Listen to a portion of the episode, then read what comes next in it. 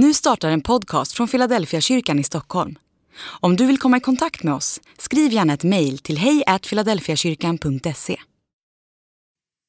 Dag 254 Nåd När kvinnan i Simons hus vänder sig till Jesus får hon en plats vid hans fötter, syndernas förlåtelse och Guds frid i sitt liv.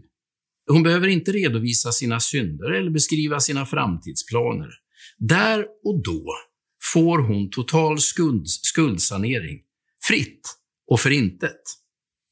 Tänk om kvinnan missbrukar denna storsinthet.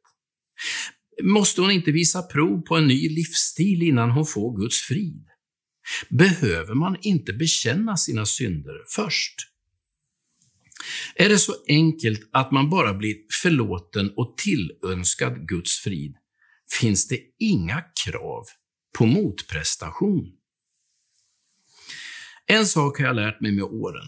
Guds generositet bygger på Guds generositet.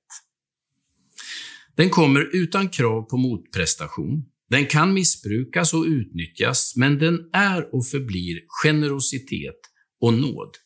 Fritt och förintet, oberoende av min lämplighet. Dina synder är förlåtna. Gå i frid.